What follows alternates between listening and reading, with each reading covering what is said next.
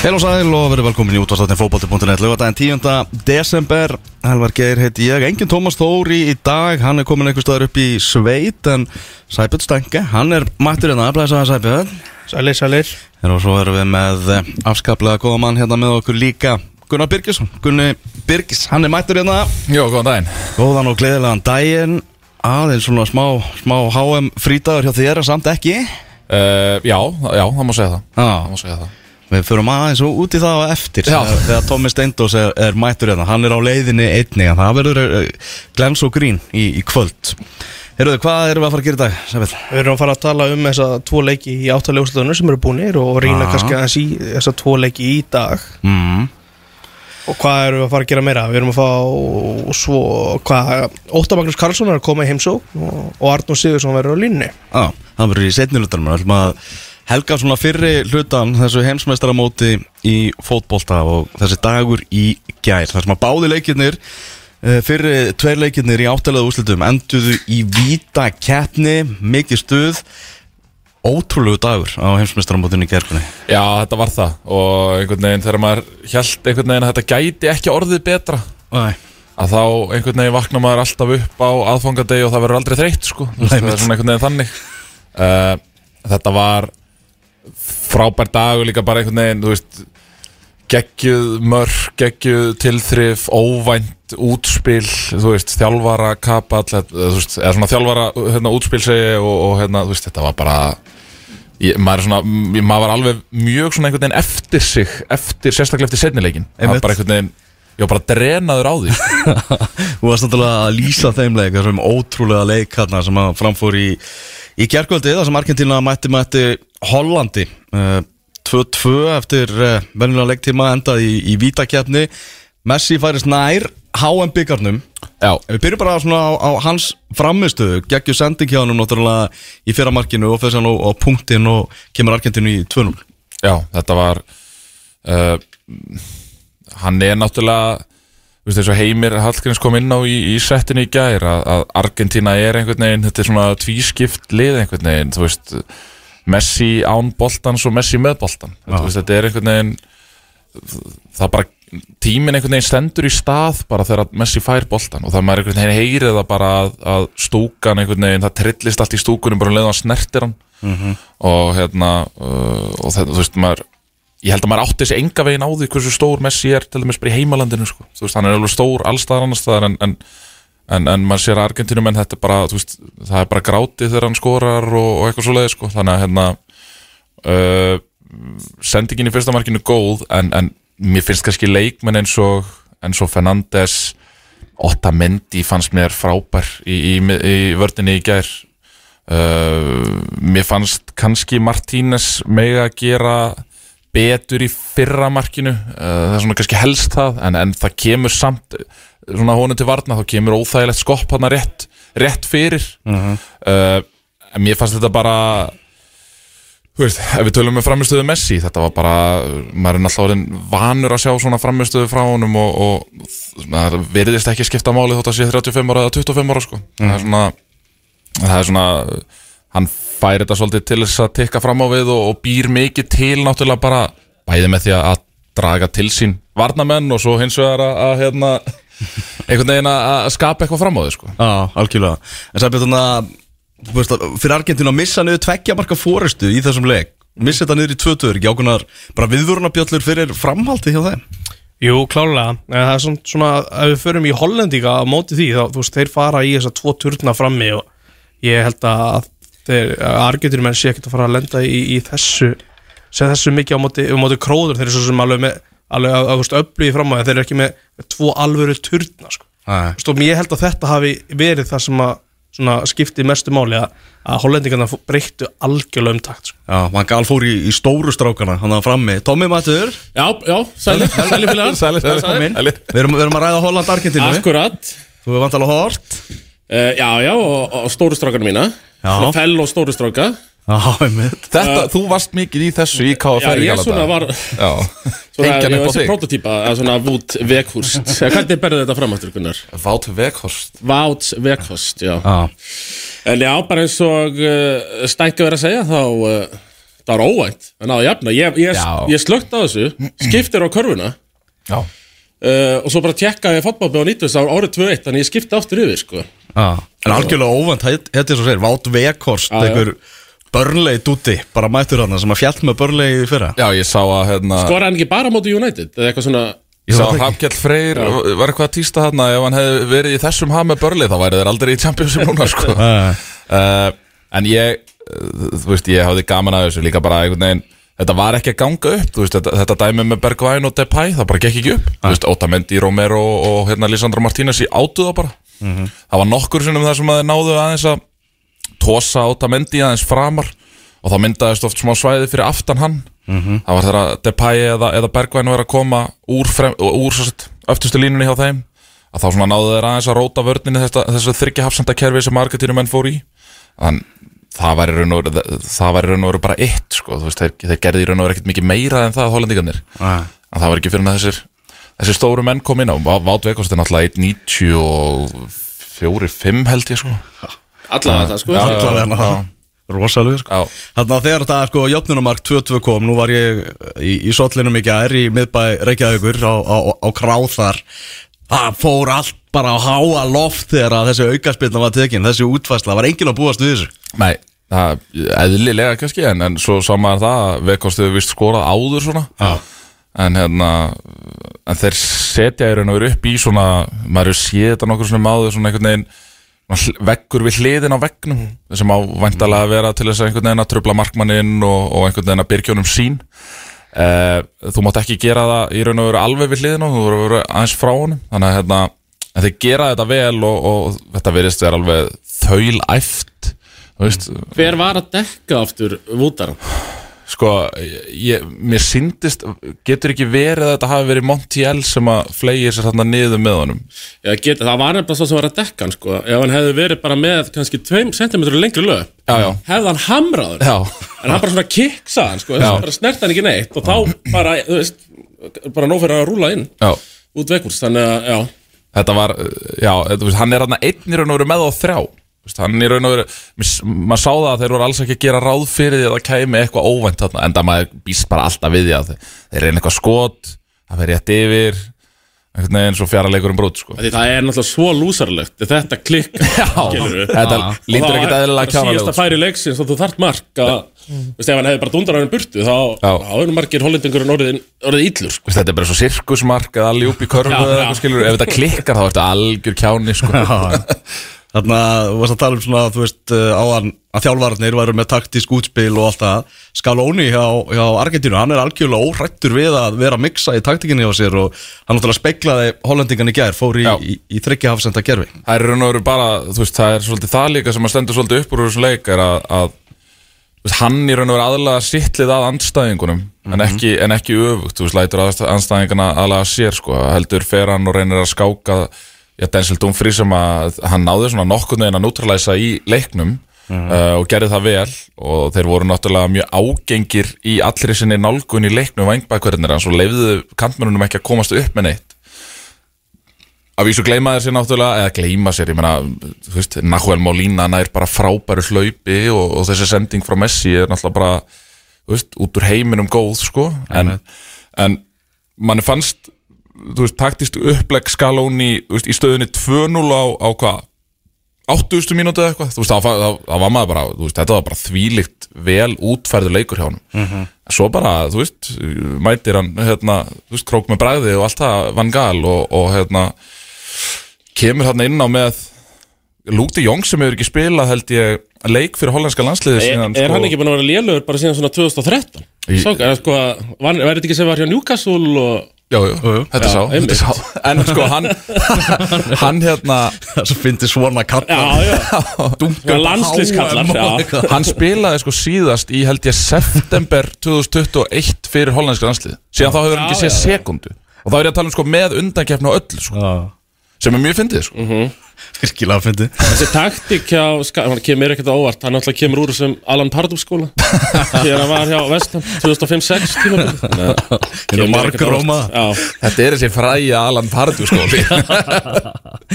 Hörðu, Samir, þú gæti varst í Dongaslan í gær. Bara ræðileg Það var spánverinn hann Antonio Mateo Lajos sem að dæmdi þennan leik. Fyrir leikin hann var talað um að hann væri bara líklegastu til að fá úslitaleikin Hjálpar hann um að spánverinn til að farnir heima á mótinu Þannig að það er engin áreikstur þar. Hann er ekki að fara að fá úslitaleikin eftir, eftir þetta í gær. Það spjálta fíasko Hann er bara sett uh, heimsmett í, í gunum spjöldum Aldrei verið spjálta jafn mikið Já. á leika á háan Ég ætla rétt að vona að fá ekki úrslitaleikin Ég, ég þól ekki þegar dómarinn er aðalkallin sko. Að bara að flautaði endalust hann var ekki bara þegar hann var að spjálta hann var bara alltaf að flauta það fer ekkert eðlilega í töðunar þegar að svona gerist. Nú eh, fylgir sér lítið með þessum dómurum sko svona yfir höfuð. Er þetta eitthvað spaði svona almennt eða? Já, ég, ég man bara eftir um móti Leipzig með, þegar að United var að mæta þeim ég er stundsmaður United og, og þá fór hann gjössalega töðunar og hann, hann var að verri, verri í ger ah. Æ, ég meðist bara svo leiðilegt sko. Þú veist, hann, maður sá það frá byrjun sko. Þú veist, hann var byrjað mjög snemma að halda fundi á vellinu Einmitt. Hann byrjað mjög snemma að lappa í báða bóðvangana og spjalla við, þú veist, varamenn og dómara og eitthvað svona. Og hann var heldur búinn að spjalda bekkin hjá, hjá Argentínu eftir 25 minúna leika eða eitthvað.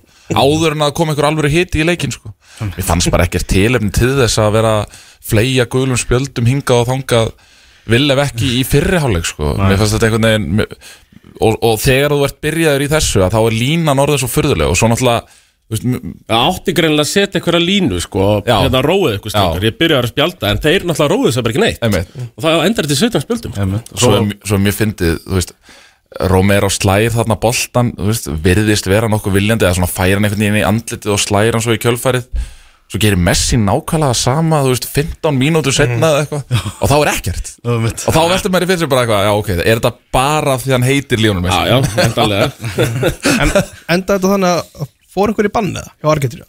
Mm, ég held ekki sko. Nei, ég held að þeir hafi sloppið. Ég held að það hafi bara verið Eða hvort að Acuna Hvernig er það með gulluspil? Þau þurkast Núlastu ekki núna? Jú, nú, núllastu nú, ekki? núna núlastu út. Undanúrslitunum, já. Það hefði getað farið í þannig að undanúrslita bann. þú spjöldi svo varst með þau núlastu út. En ef þú fegst guld í þessu leik þá ert í banni undanúrslu ég held að Já, já, já, það er þannig. Þá geti ég trú að Acuna væri í banni sko. Ég held að eh, Acuna fekk að ég er nokkuð vissum Gullt fyrir að stíga á Denzel Dumfries í gær. Hann fekk guld á móti Pólandi líka. Já, þannig að þá, þá er Acuna vantilega í banni á móti. myndum halda það. Ah, Mönnum var að segja, ennþá heitt í Hamsi var að segja eitthvað vídeo svona göngunum eftir leikin þar sem að Aguero var mættur hérna og hann var að segja hérna Vátt Vekost að grjót halda kjátti og Gamla góða grjóthalda já, kæft já, Lionel Messi hann í miðju viðtali. Herri, já, hann var Það var ekki bara hermettu vinni sinni Messi. Messi var búin að segja hann um halda kæftið að þeir Hleypur að vera þetta En maður sá að, að hérna, Argentínumenn voru greinilega mjög svona veðraðir upp í þennan leik eftir þeir hafa greinilega verið að fylgjast með umfjöllun í, í tengslu við þennan leik í, í tengslu við hollendinga og annað því að hollendinga alltaf töluðu mikið um þessa baráttu við Messi og það var mikið talað um bara Messi, Messi, Messi. Og en þú veist og Van Gaal talar hann um Messi á einhverjum blaðamannafundi og það var mjög augljóst að þetta var persónulegt hjá, hjá Messi á móti Van Gaal en það, þú veist, þegar, ég held þegar að hvort það er þegar að þeir skora síðasta markið í, í vítaspindikefninni eða á einhverju tíum bútið leiksist þá stendur það er eitthvað mynd í dreifingu þar sem að Messi stendur fyrir framann varamannabekk uh, hollendinga og er í raun og veru svona að blaka út eyrunum sko, þú veist, og Edgar Davids, Van Gaal og, og blind, blind fyrir framann hann sko. Þannig að þetta hefur verið þetta hefur verið persónulegt. Já, ég meina ef þeir höfðu stoppað Messi þá höfðu þeir unni leikin e, já, það, já, það, það má fara rauk fyrir því. Það má fara rauk fyrir því. Svo líka koma svona einhverja víðmyndir af vítakjarninu meðan vítakjarninu var í gangi Já. Það voru mennirnir á miðlínunni bara að fagna í andlitinu á Já, móterjanum það var alveg bara þetta að það viðinni sko. Óta Mendi hérna var, eitthvað, var með einhverja meiningar hérna eftir, eftir að þeir triðu sér sigurinn? Já. starði á það og svona leta að heyra það sko. Geggjum myndin sem náðist þarna. Já, þar, eru, þar eru allir nema Messi að horfa á hollendinga og eitthvað hérna, fýblastíðum og eitthvað svona. En hérna um, Martínis í markinu. Hvernig Emi Já, hvernig, hvernig metur hann í þessu, í þessu leik? Bara þú veist, og í vítaspindakefninu, kunni Mér fannst hann Mér hefur fundist hann svona á mótinu til þessa uh, þá hefur mér fundist hann virkilega góður. Hann er, hann er örugur markmaður myndi ég halda að hann tellist sem. Hann svona veist, þó að hann láti það stundu líta út eins og þegar hann er að koma út og grípa þessa fyrirgjafir þá missar hann stundu boltan aðeins frá sér. Ég held að það sé ásettur á því gæst ef hann er ekki 100% á því að grípa hann þá ítir hann og frekar aðeins fram hjá sér og grípur hann í, í annari tilhörn en mér fannst að hann bara hvernig hann bar sig í allri vítakefninni fannst mér aðdánuvert Mér fannst hann svona Þú veist, mætir hérna í leikinn bara einhvern veginn með sjálfmótskreðsluna, bara einhvern veginn argentíska fánan hérna í hárinu og eitthvað svona skilur ég, ég er hrifin af þessu og hérna þú veist, mér fannst að vera bara yfirvæður en samt svaka peppaður sko. Og mér finnst þetta að vera góð blanda. Þú veist, þú vilt ekki hafa markmann sem er það ofur fókuseraður að hann einhvern veginn passa sig að láta ekkert slá sig út af læginu og svo sá ég líka bara um leið og Andrés Noppert fór eitthvað að, ég- að, að nagga stutan í Messi fyrir vítið þá ég segi bara æ Ég meina, þetta ég, sleftu þessu. Um, Ég myndi sko það að kíkja á tölfræðina á það en það er náttúrulega huglegt sko En ég fannst þetta aldrei vera komið í höfn í Argentínu þetta var komið í Vító veist, Martínez Ah. sem hvað, við, við er bara þriðja hvert Vító Já, eða eitthvað álíka í. Premier League. Móti bara einhverjum gæja sem heitir Norbert sko, sem bara ég veit ekkert bara hver er sko. Það var ekki einn, af fimm í bara á ferli. Jú, það var eitthvað svo leis og hérna það var aldrei komið sko. Já, ég bara líka. þetta? Þú veist, Noppert. Ég fann það í gerð sko, ég var ekkert að ákveða ég, held með Argentínu í gerð sko. Það kom svona eitthvað Messi yfir mig sko. Já, og svo annað líka í vítaspilnukefninni ég man ekki hver það var, vítaspilna 2 eða 3 og svona rétt áður en að var að fara að hlaupa að, að hollendingur, svona glotti já. Og það er ekki góð sviti. Þau er glottandi. Áður en alltaf að taka vita þetta klikkaði hann á því, man, man ekki hver það var sko. Við sáum Sergio já, já, það var eflust hann sáum, sáum hérna, Sergio Busquets gera þetta rétt áður en að hann tók sitt viti, sitt Það ömurlega það þarf að vera það kaldur og Já. rólegur sko, bara Já. byrja að glotta. Nei, það virkar Nei, ekki. Það virkar ekki. Og eftir leikinn þá tilkynnti Van Gaal að hann verður bara hættur í þjálfun Já, Var það ekki orðið nokkuð ljóst? Jú, eða? hann var að fullmikið að sprella hann úti sko, hann var Já. greiðilegt að hann var svona alltaf að taka þetta skemmtilega hérna, síðasta mót bara og kveðja sviðið sinna sko. Það kemur samt bara taldi stór út úr þessu móti sko, Já, finnst mér virkilega sko Já, ég hugsa, þú veist Hefði hann ekki getað fengið, þú veist, ef hann, segjum hann bara, ef hann hefði bara hætt með hollenska landslið, ekki það, þetta er kannski fínt gig fyrir, hvað, 72 ára er ef hann hefði hætt með Holland en samt vilja halda áfram að þjála, hann hefði alltaf fengið eitthvað hann hefði alltaf fengið eitthvað gig Já, örugglega. Ég var bara, ég er búin að tala fyrir því að bandaríkjamenn hefði átt að ráða. Akkurat, ba- Hann myndi smelt Herðu. passa það. Já, besta hugmynd sem ég hef heilt já, veist, Þetta er bara nákvæmlega það sem að bandaríkjumennum vantar. Já, bara þennan gaur til að gera liðið klárt fyrir 2026 bara þegar háðan verður í bandaríkanum sko. Það er bara, ég er bara smá eftir mig þetta var svo góð hugmynd þetta var. Já, bara bandaríkinn ringja í Van Gaal, takk sko. Herri, Já, en uh, hollendingar kveðja, Argenturumenn komast áfram og uh, þeir eru ekki að fara að mæta Brasilíu í undanúslutum því að Brasatir eru úr leik kvöttu, hvernig er svona bara tilfinningin að horfa á eftir þessu brasilíska liði á mótur? Stengi, byrjað þú ekki bara? Ég- Jú, sko, þegar það var komin í leikin og svona uh, lið, svolítið liðið á þetta þá vonaðist ég alltaf meira og meira til að Brasilia færi áfram bara af því þeir spila skemmtilegri bolta. Svo þegar það kom inn í framlýkinguna þá var ég orðin gróði sko. Bara ég fílaði hvað þeir eru massífir og þetta fyrir. Mm. spil, þú veist, undarúslega verður sjálfkrafa ekki jafn skemmtilegu með Króatíu. En það er eitthvað, eitthvað fallit við þetta hvað, hvað þeir eru, einmitt, bara svona samstiltir og, og eru ógeðslega góðir í því sem þeir eru að gera sko. Já, Það er ótrúlegt að ná að jafna eftir að lenda undir í framlíking Já, sko. bara- maður er brassandi kæruleysi náttúrulega Mér já, sko. ótrúlegast að þeir hafi fengið skyndisókn Já, í stöðinni 0-1 það er ótrúlegt það er gjössanlega galið sko. Já, við þökkum Fred fyrir það Já, hann átti þarna galið atrið hann út í hotni sko. já, Já, já, menn töluðu mikið um í háanstofun í gær Varnarleikur, varnarleikur, varnarleikur. En ég held að þetta sé líka bara það að Flestir af þessum gæjum sem eru ekki, Flestir af þessum gæjum sem eru í brasilíska liðinu eru náttúrulega að koma úr Hápressu liðum Liðum sem að vinna boltan framalega á vellinum. Og uh, Við höfum bara séð rosalega lítið af Almennilegri hápressu á þessu móti. Það er greinilegt að, að liður svona fara kannski frekar varkárt inn í leikina við erum að sjá kannski, þú veist, englendingarnir hafa verið að gera þetta ágætlega. Uh, þeir eru með látt PPDA eins og það er kallað.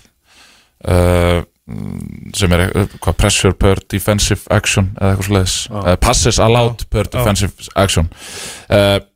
Þannig að, þú veist ég veit ekki hversu mikið er þetta að skella þessu á varnalegi jú, jú, auðvitað náttúrulega þeir, þeir, þeir, þeir svona, hálf kjánalegir oft á tíðum án boltans á sínum eigin vallarum ekki sérstaklega. En, en eins og Sæbjörn stegir að, að veist, þetta ánáttúrulega ekki að vera hægt að fá, fá skyndi sókn í stöðinni, stöðinni 0-1 sko, fjórum myndir eftir. Fjóra mínútur eftir.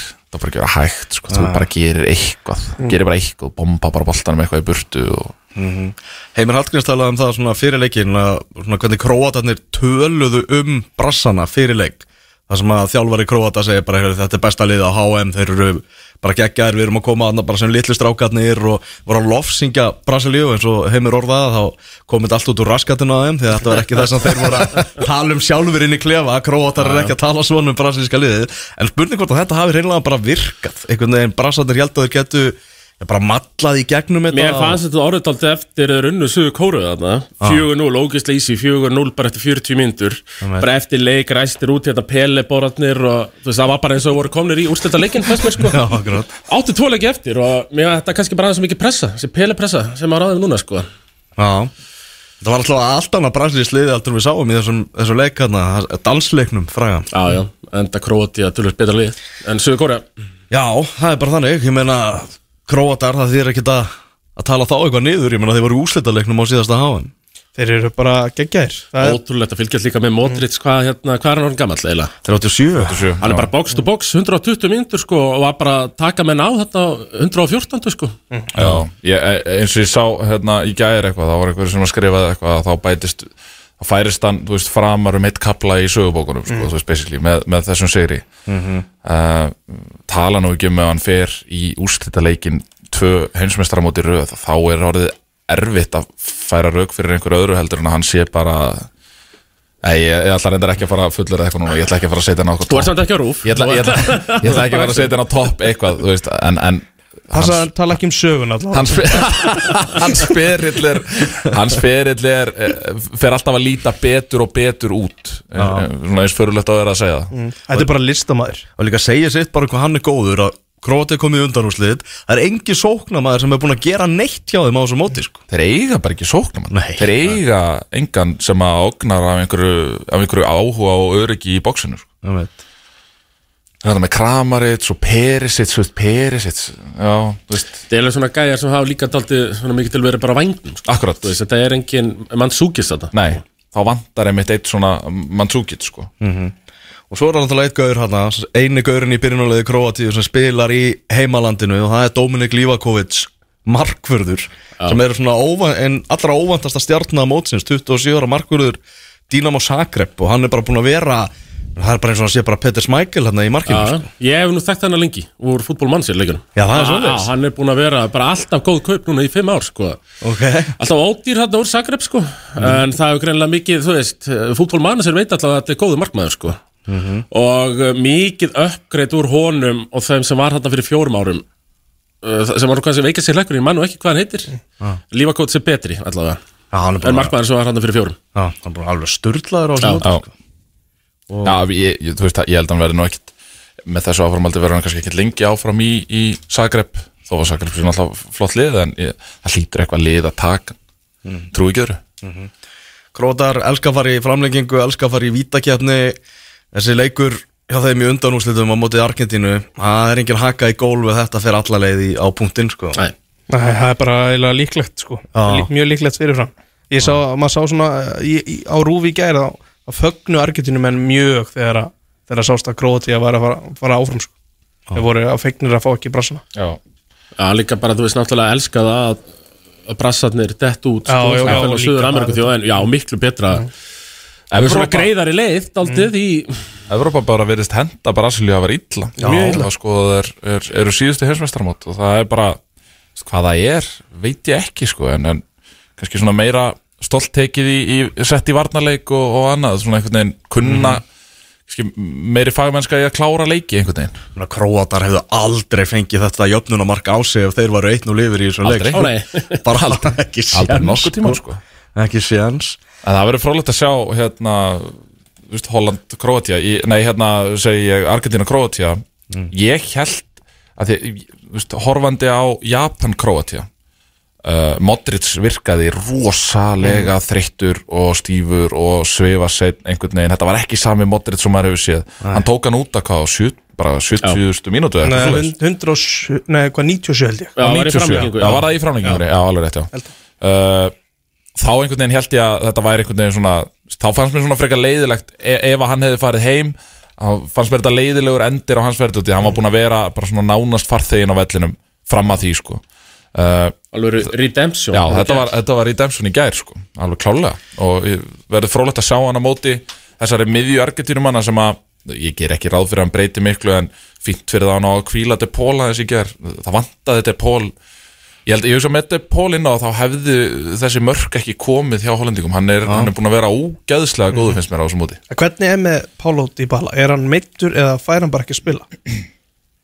Það hlýtur að vera eitthvað myndur Ég, sko, ég, ég hef reynd og reynd að finna eitthvað út úr því af hverju hann er ekki bara, hann er ekki einu svona í umræðinni og þeir eru hættir en enn að minnast á hann sko. og maður er alltaf eitthvað þú veist, maður tekur rúndin á Twitter sko, þú veist, að maður dettur inn á einhvern argentískan blaðamann eða eitthvað skilur að þá uh, svona reynir maður að, að uh, fylgja honum eða kemur eitthvað sko, en það, það er ekkert komið og mér finnst það svo skrítið sko. Já, Var það hann sem var ekkert rosalega mikill vinur Messi fyrir einhverjum árum?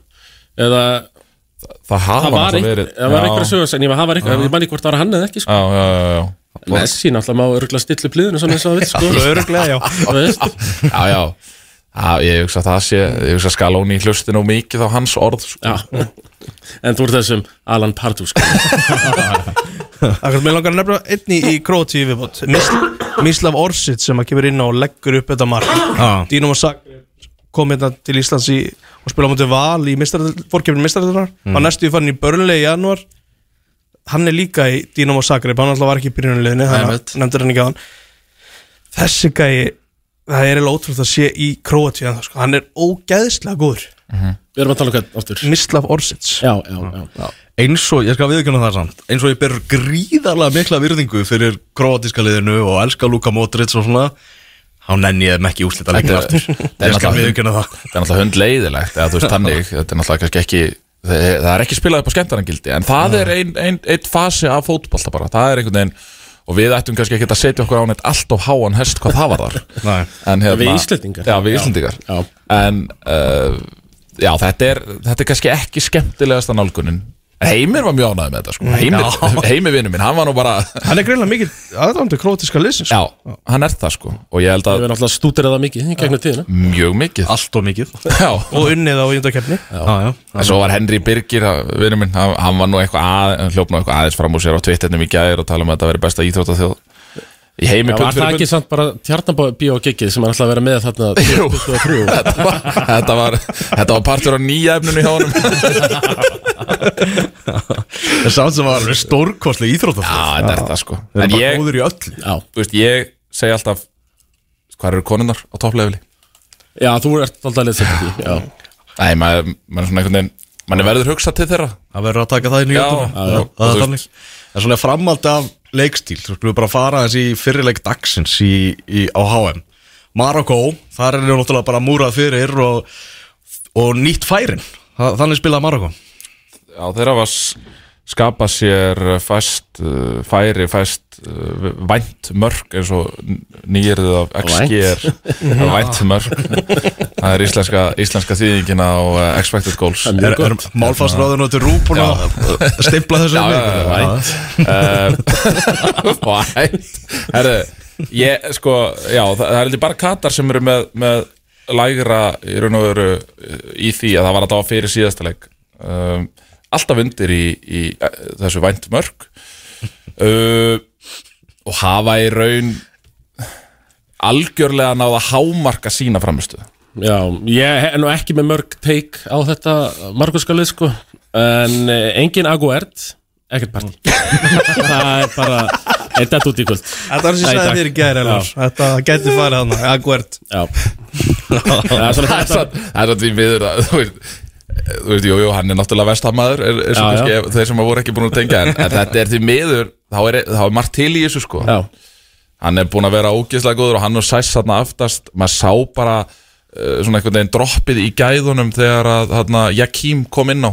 Hann er bara ekki alveg í þessum þeir náttúrulega er ekki með 20, 22 Nei, nei. leikmenn skil, þeir eru kannski bara með 12, 13, 14 sko. Já. Bara rétt eins og íslenska landsliði var Já. uh, um árið sko. að þú varst að tala um XG Gunnar er þetta ekki eina er þetta ekki bara búin að fá sér eitt mark samt og það er sjálfsmark? Jú. það er alvöru Já, það, það, frammistaða, það, er mjög vel gert og það hefur náttúrulega uh, Bono er náttúrulega búin að vera frábær. Þeir eru náttúrulega með sko vörnin, þegar Aguerd er með það verður náttúrulega bara vörn sem er bara í topp klassa á með- Bakverð er bara PSG og Bayern München Akkurat, þú veist það, það verður ekki mikið betra en það og Akraf Hakimi er náttúrulega bara að bara möguleikum besti hægri bakur í, í, í, í hérna, heiminum í dag. Svo við tvittiði á Piers Morgan í morgun. Hann var að byrta alveg myndir af Messi að oh. öskra á dómarann og Já, já, það. Er nú þinn maður er það ekki Gunnar? Nei, Hann er nallar eins og þú. Hann er skömm Arsenal samfélagsins. Ég, Hann er búinn að fá alveg svakalegt plattform aftur og einhvern veginn endur nýjum lífdagi eftir þetta Ronaldo viðtal. Ég fagnar því ekki. Ég gera það bara svo sannlega ekki En hann er með, hann, þú veist Það verður svo að gefa honum það að veist, hann er bara búinn að læsa Kristján Ronaldo, hann er bara enga fjölmiðl Kristján Ronaldo. Já. og það verður bara að gefa honum hrós fyrir það. Ég get ekki annað en borðið virðingu fyrir því að Ronaldo bara allt sem að kemur út frá Ronaldo það fyrir ekki innum Pírs Morgan. Já. Æ, bara þú veist, þetta er, er þetta ekki 60 gæði eða eitthvað? Jú, jú. Það er eitthvað ennþá í einhverjum Messi Ronaldo remping skilur Það finnst þetta bara hallaræslegt Bara njóta kallum Sáðu þið hérna fréttnar germ sem var að tala um hérna personal managerinn hjá Ronaldo sem er bara í teiminu hjá Já, Portugal ég sá bara eitthvað fyrirsögn um þetta, já. Já, bara, það það er bara einhver persónlegu vinur hans Svo er hann alltaf innu mættur bara með passa og bara í teimið hjá Portugal Þannig að bara einn í teiminu er bara einhver vinur Ronaldo og þetta finnst öðrum Bara eins og Sveppi hefur verið hann 2016 Þetta er alveg eins. Þetta er eins. Það er, það er að finna við þetta. Já, ég vil að Jordan var nú, eða það voru hann enda bara uh, oftar en ekki lífverðir sem að fengu í raun og veru bara að vera uh, alltaf inn í klefa og eitthvað svona, það voru einhverju vinnur hans. Já. en hérna, En ætla að sé einhverjum sætgeikum eða þú veist uh, Er hann með eitthvað svona official titil, skilur nei, Er hann, að- er hann að nutta hann á, kantinum með einhverjum svona taktík Veist, hann er bara í göngutúrum bara með já, og, eitthvað, og, og, og allir eru bara að pæla hvað, hvað er hann að gera þetta? Hvað er hann að gera þessu gaur? Sko? En Ronaldo er hann að fara að vera á bekknum í, í dag aftur, það ekki? Tómið? Jú, ég myndi halda það með hvernig þeir voru á móti Sviss Já. og Ramos, ég meina það er ekki hægt að bekka hann Nei. eftir hann, þessa framistu þannig að já, hann verður bara klart mál aftur á bekknum, sko Eiga inni bara. sem að ég það sem að maður horfður svona mest í líka eftir þetta er bara hvað, veist, ég var að sjá bara sjá Felix, ég, ég hef bara ekki sé góðan leik frá honum bara í háa herrans tíð, sko. Nei. hann var alltaf í nú bara geggjaður á móti Sviss, sko. Já. Og bara Móti liði sem að- ekki? ha, Ekki svona almennt búin að vera bara fítna á þessu móti, já ég, ég, ég hef alveg séðan betri, sko Þú hefur síðan betri, já, já, Ég meina, gaurinn er algjörlega í fristukistunni og allt ykkur Madrid Alveg Þannig að bara heldur stert hjá hann að koma svona. Og Svo var hann að frétta mann að fundi gær og þá var hann bara að tala til portugalsku þjóðarinnar Einmitt. og Allt ég veit ekki bara- hvað og hvað. Þetta er ekki, þetta er ekki lengi gerast. Ja, hann er svona aðeins að taka, taka leiðtóa hlutverk í, í þessu liði. Já. En er ekki eitthvað eitt tvist eftir með Ronaldo Þú veist á þessu móti, á hann ekki eftir að koma bara inn á bekknum og tryggja þeim áfram eða Jú, jú. Já, þetta er annarkvæð það eða hann fer í einhverju fussi, sko. Já, bara yfirgefur Já, hópin já, Já. já, en það við eigum alveg eitt uh, eitthvað tvist þar eftir, sko. Ég held að það sé alveg klart Þetta er bara svo æsandi tilhugsun að, að, að þetta sé ennþá möguleiki. Argentina Portugal, ég hefði aldrei að þetta væri búið núna sko, ég einhvern veginn sá Sviss alveg þess að vinna Portugal sko, Einmitt. en núna einhvern veginn þá, bara á einni viku þá er þetta allt búið að snúast og Brasilía dottið út og einhvern veginn þeir eru að fara að mæta Marokko sem að ég hefði aldrei að væri svona ætti að vera auðveldasta viðurregnum fyrir það að fara í gegnum og svo er þetta bara, þú veist, svo þegar þetta er komið undan og slitt, þá er þetta bara hver hittir á daginn og allt þetta sko. Já, Portugal fer bara allarleið og vinnur heimsmeistaratitilinn og Ronaldo verður bara á bekknum í þessu öllu saman. Verður þessi heimsmeistaratitil svona stjörnumertur hjá honum þegar þessi stórskemmtilega Messi-Ronaldo umræða er í gangi? Um, Ég myndi halda það. Ah. Ég meina, væri það ekki eðlileg, ég meina, þú veist, það er vendipunktur mótsins að hann er settur á bekkin og kemur lítið sem ekkert að sigrinum á móti Sviss. En svona ef maður kemur inn að bekknum og laumar inn kannski einu í undanúslitum og eitthvað svona sko, þá, þá þurfum við ekkert að stjórnumerkjan sko. Nei, nei. Ef hann er bara í fristikist og fær bara eitthvað svona meðverk, meðverknismínútur í lokin sko, þá er þetta nú ekki, sko, ekki hans títill per se sko. Nei, nei, Rétt kannski eins og í úrstöldarleikum 2016 sem hann kláraði nú bara þetta á hliðalinni akkurat. Svo er það. Svo er það. England-Frakland í kvöld klukkan 7 Sæbjörn Spendur Mjög, ég, þetta verður alvöru visla ah. Óbreytlið hjá englendingunum ekki? Jú, þeir eru að segja það enski fjölmiðlar og að vera að pæla hvort hann færi í þryggja hafsendakerfi en hann ætla bara að taka samanlið og, og vann hann að Senegal 3-0 Já, ég er hrifnaði, ég, ég vil alls ekki sjá hann breyta út þegar mér finnst það að komin mjög flottu rytmi í þetta ennska lið og það það er svona Veitu hverju verður frá þrýr Það er Foden, Kane og Saka. Kajo Saka. Einmitt. Það er nú bara þannig. Og það- þetta er bara þú veist, Þetta er heldur bara besta lið englendingana Og þeir þú veist, eru með fína breytt Geta komið inn menna bekknum sem geta Eitthvað svona breytt einhverju í leiknum. Og uh, ég er ánægði með hann að vera ekki að, að breyta of miklu Og treysta svolítið bara á að Kyle Walker náði að halda Mbappi einhverju leiti í skefju með hjálp Væntalega Jordan Henderson eða eitthvað svo leiðis Er ekki sakar svolítið í líka bara að hjálpa það? Jú, alveg potið sko. En spurning hvort að það drægi eitthvað úr Svona bitinu sóknarlega hjá englendingunum. En, en það þarf ekkert endilega að vera. Nei. Þetta verkefni ekki, Kyle Walker á móti Mbappe Tómi, hvernig heldur þetta Amy að fara í? um, menn, hann, hann mun ekkert eitthvað bara setja hann í vasan sko. En hann er ennþá fljótur. Og ég bara er sko nokkuð þetta er svona eiginlega fyrsti leikurinn á HM svona, sem ég byrja að vera að eyða. Bara þátt svona fyrir leik sko. Mjög spenntur fyrir þessu. Og ég er bara nokkuð bjart síð fyrir býna menn England sko í, í þessum leik. Hversu miklu máli skiptir þið að Declan Rice er í liðinu? Það gerir alveg helling fyrir mig, Eh, ekki bara í liðinu, fyrstum ára blað. Það gerir bara alveg helling eh, fyrir mig, sko. Og Ég veit ekki, sko, mér veist nú franska miðjan Þú veist, þetta er ekki Pogba á enn kanti eins og þetta var fyrir, fyrir fjórum árum, sko. Men þi- Hún er ekki jafn góð. Þó að front, uh, fremstu þrýr eru ansi segir. En þú myndir alltaf taka Þú veist, þú tekur náttúrulega Bellingham væntalega fram fyrir Rabiot Og svo tekur þú væntalega Chouameni fram yfir Declan Rice. Nei, ekki eins og staðan er núna. Hann er aðeins og ungur, sjó menni Rétt eins og ræs, sem ennú ekki nema Hvað, 23 ára gamall held ég. Já. Hvena fær hann stóra Hann smúið? fyrir, fyrir sumar, Hann fyrir annarkvæmti City eða Real Madrid. Já. Og verður, og bekkja matur þar eins og flestir sem frá okkur koma. Nei, eða Chelsea, sko, hann er náttúrulega Chelsea maður í grunninn, sko, var Já. þar Þannig ef tilfengan að ráða fyrir hann þa- þangað, hann fyrir aldrei til United, hann er á góðu fyrir það. Hann er á góðu Já, fyrir það. hann er aðeins á góðu fyrir það, Já. Svo staðan er núna. Sammálaði við þurfum ekki á hann halda. Það er þannig. Ég var að sjá að Memphis Depay var, það var orðað hann við nallarna Við þurfum að það eru nýju sko. Já, Ég vil fá Memphis aftur í Premier League Núna, Já. na, þú veist Það er- Fullorðir Memphis. Akkurat. Ég held að það geti verið mjög gaman sko. En núna Er hann ekki ennþá bara hann í Barcelona? Jú. Jú, á þessum tíum hvort myndir þú vera með Enketia eða Martinelli frammi? Já, þú veist eh, Hæfileikar Martinelli eru best nýttir út á kantinum. Ég væri mest til að sjá Emil Smith Rowe koma sem fyrst inn og spila með eitthvað svona, svona falska nýju. Uh, Ég mun aldrei fyrirgefa það að Eddie Nketiah skulle vera að spila í treyjunum með 14 í Arsenal sko.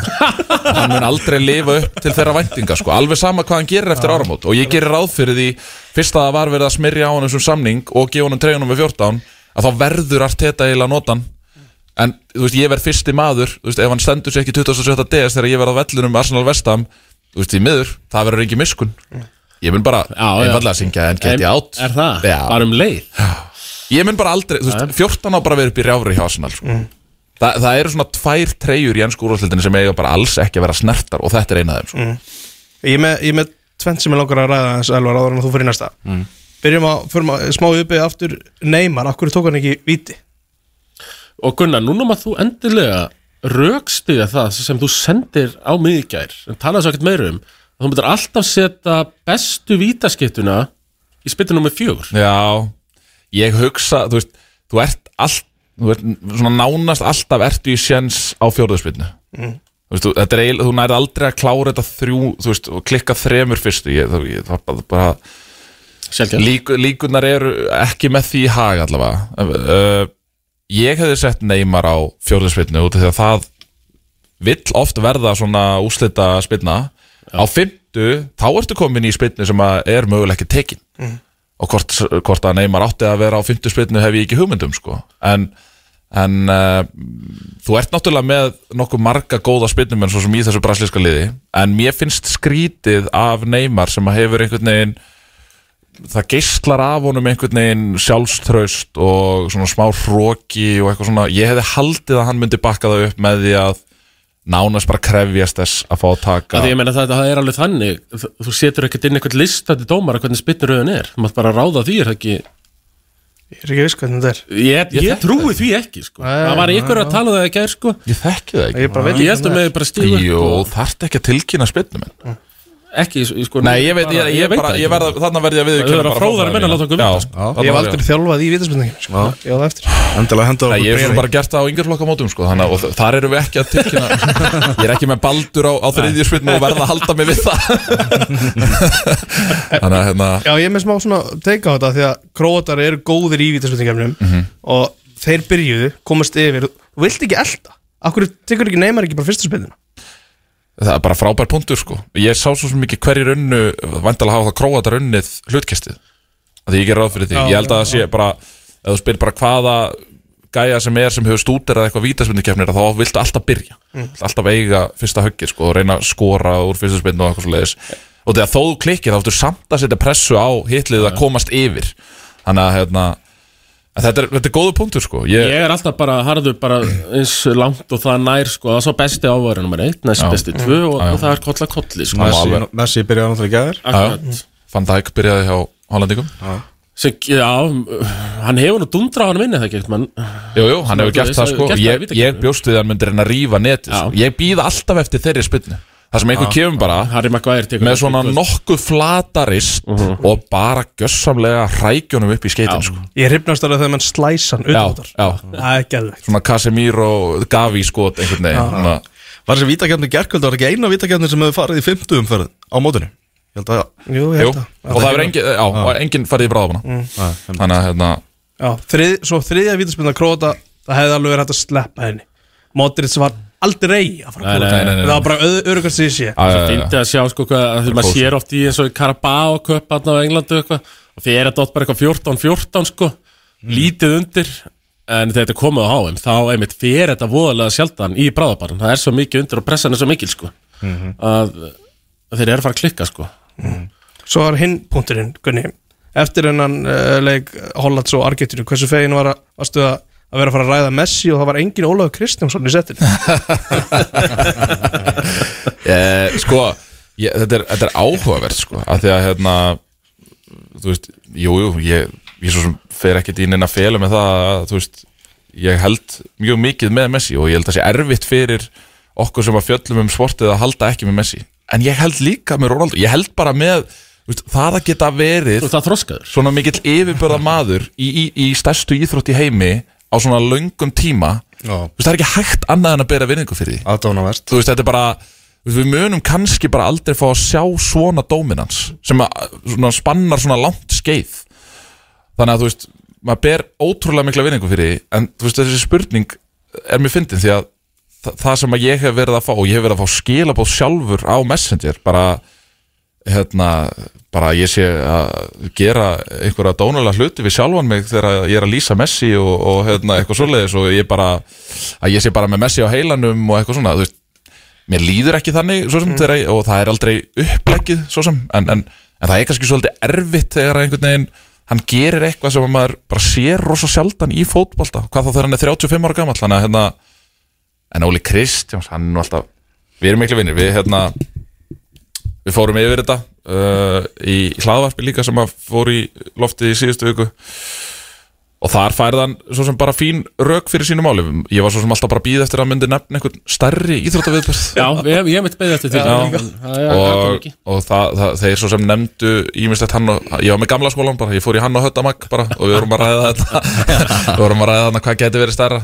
Og hérna, en svo er þetta náttúrulega spurningi líka um sko, þú veist, af því að við erum að tala með hennar úrslutaleik, að þá nefna þeir náttúrulega að vissulega eru þessi tveir ekki kannski á hátindi fyrir sig, Messi er kannski nærði heldur Ronaldo og svona atbyrðu síðustu vikna hafa orsaka það að Ronaldo er kannski svona, þetta er ekki alveg sama eins og þetta hefði verið eða hefði mætt, mæst, þú veist, 2010 eða 11 eða eitthvað svo leiðis uh, 2015 sig, eða eitthvað svo leiðis uh, en ég held samt með að við alla umfjöllun sem maður hefur séð á mótun alveg sem að kosta sér hérlendis eða erlendis að þetta ég held ég bara það sem að flestir er að býða eftir sko.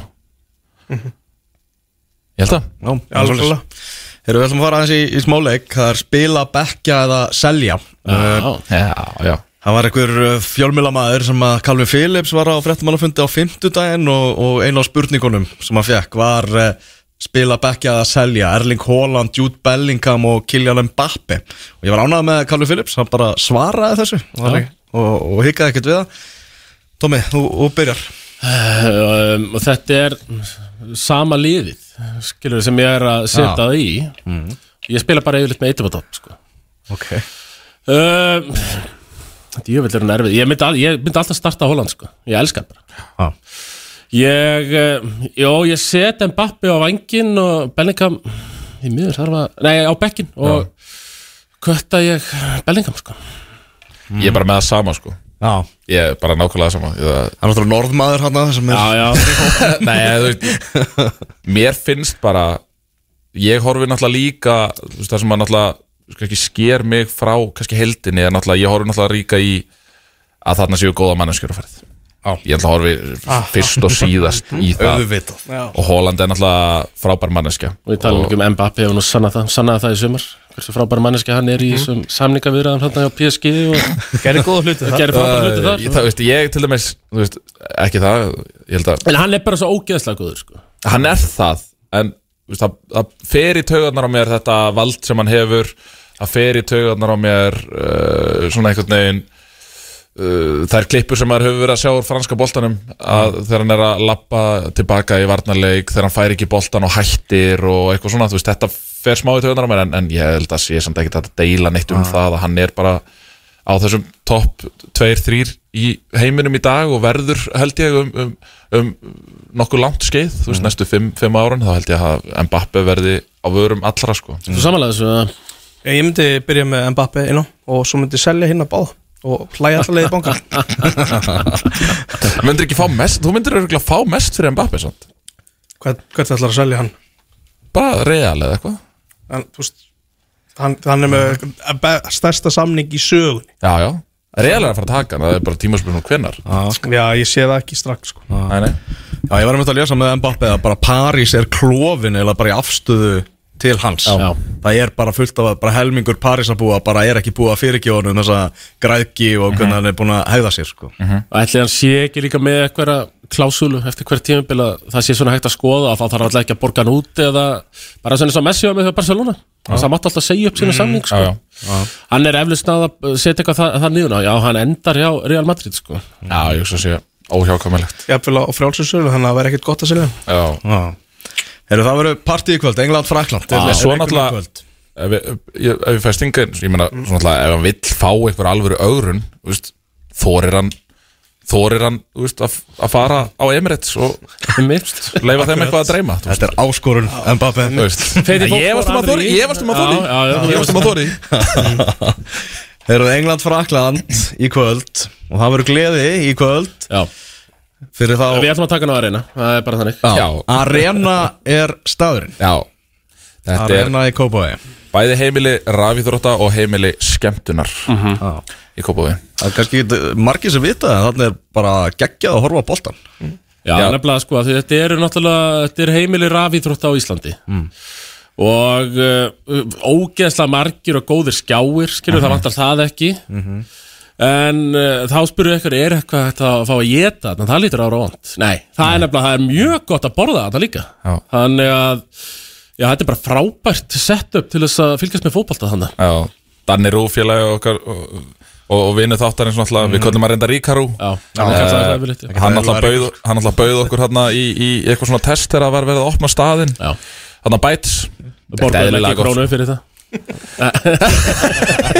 nei, nei, nei, Rú tók Já, já, reikningin hún tók reikning það en, en hérna, já, við ætlum svolítið að vera með pubquiz uh, eftir leik Englands og Fraklands uh, sem ætti þá að byrja þarna eitthvað um nýju að því gefnu að það verði ekki framlenging og vítaspunni uh, þetta verður vissulega svona fótboltasinnað pubquiz og, og svona með tengingu við HM en það er ekkert sem fyrir mér í tögunar og mér heldur að það er að fótbolta nöttararnir einhvern veginn mæta á þessu pubquiz og pakka þeim saman og eitthvað svona. Þannig að ég og Tómi við erum svona að reyna að nappa þá í svona líka uh, svona dægur spurningum Það er alveg nokkra dagur spurningar og já, við svona, ég, við, hvað, þetta er náttúrulega líka þú sagt að upplifa sögulega viðbröð, viðbröð þarna, þetta er fyrsta skipti náttúrulega sem smassbræður performa live saman. Í og Gunnar. Það er svona pop-up. Já, svona pop-up quiz, já, þetta var gert með litlum fyrirvara. Og við uh, og svona nánast kláraðum þetta í gær. Við vinnum aðeins öðruvísi, ég vil alltaf klára quiz samdægurs, held svona tveim tímum fyrir quiz, Gunnar var svona aðeins með svipun á mér í gær sko. en þetta er svona nánast komið. En við erum alltaf gaman að við uh, ég vil lofum og ábyrgum svo mikið fjörðæki Jú, jú, jú, það verður mikið fjör og mikið hlegið og mikið gaman. Þannig að við hvetjum alla sem að, sem að eiga tök á því að mæta, að mæta það. Það uh, kostar ekkert að taka þátt. Nei. Til mikils að vinna. Hérna, Til mikils að vinna að Gjafa brefa arena og bæt Svo ég veit ekki hvað og hvað. Uh, Arena er sko, þú veist, ég hugsa að það séu flestir Þegar þeir hugsa eitthvað svona rafíþróttir Og eitthvað geta að spila tölvuleiki og eitthvað svona Þú veist, þá kannski tengja það flestir við stað Sem að var áður uh, rosalega vinsæll. Uh, þetta er aðeins annað. Rafíþróttir er, er orðið svona meira kannski þú veist, þetta, þetta er fólk er byrjað að taka þessu aðeins meira alvarlega. Þú veist, þetta er ekki bara einhvern veginn að, að vaka á nóttunni og, og spila Counter-Strike og lana og eitthvað svona, þetta er orðið tölvöld meira og þetta eru krakkar bara að æfa. Og svo líka eins og bara með fyrir sko fótboltanötturina sem ætti að koma að horfa á leikinn og ég menn þetta er fótbolta beisa þá er náttúrulega eitthvað FIFA Það FIFA, það er já. að grípa í penun og spila FIFA og Vilti fjóra sjö held ég sko. Jafnvel að við tökum leik. Já, það geti alveg það verið gæti nefnilega alveg Já. skeið ég man nú ekki eftir mörgum FIFA-leikjum sem ég hef tapað. Nei, ég man eftir daldi mörgum Arena er, er staðurinn í kvöld. Já. Það er alveg klárt mál og þetta taka bara fulla HM dagskráð þar. Já, og við verðum hérna Já, við, við tökum allavega setni í England Frakland. Ég er líklega að tek nú bara alla leiki. Já, jú, ég er svona uh, efnast verð þar bara allan Já, England, Frakkland. og það eru náttúrulega margar kanonur búin að bóða að koma svona, ég get svo sem ekki bara virðingu við þá, að, þá, þá er ég bundin trúnaði. En, uh, en svo er náttúrulega líka hægt að koma þarna og ræða við okkur um náttúrulega þessa blacksenu og, og, og þetta Já. black tímabil sem er náttúrulega búið að vera bara út úr kortinu geggjað sko. Og við verðum þarna með, með spurt og svarað í tengslu við það. Bara mjög til í það sko. Já, Smassbræður live á, á Arena í kvöld. Þetta er Smáratorgi. Þetta er rosalegt. Við erum bara að takja alveg fyrir komunar Þetta skrýta að segja það við þig, Tómi Já, já, ég er bara, ég er hér með við borði Já, Heyrðu, Gunni og, og, og Tómi Steindors bara takja Já, alveg takk fyrir mig. Takk fyrir mig. Já, komið þér sæl og blessuð uh, út af sattunni fókbóti.net uh, heldur áfram. Stafbjörn, hvað er næsta dagskráðið okkar? Við ætlum að heyra í Arnóri Sigursinni Já, ég held að það sem bara komin á línuna. Já, sælis. Sætluflessar Arnór Hvað hérna, ertu upp á skaga eða? Ég er að keira upp á skaga bara eins og er, sko. Ertu í göngunum? Nei, ekki alveg komin hanga. Hvað er hérna, er, er að frétta af, af þér? Þú ert, varst að láni hér á Norrköping og ert fram á næsta sumar Hvað svona, já, er eitthvað annað í, í kortunum? Klárast bara sá samningur eða uh, já, ég er náttúrulega á láginsamning uh, sem sagt, til 30. júni þar. Uh, og líður mjög vel þar og gekk, mér gekk persónulega vel á, á síðastu tímbili þannig að eins og staðan er núna þá verð ég áfram á þar en síðan, síðan veit maður aldrei hvað hva gerist.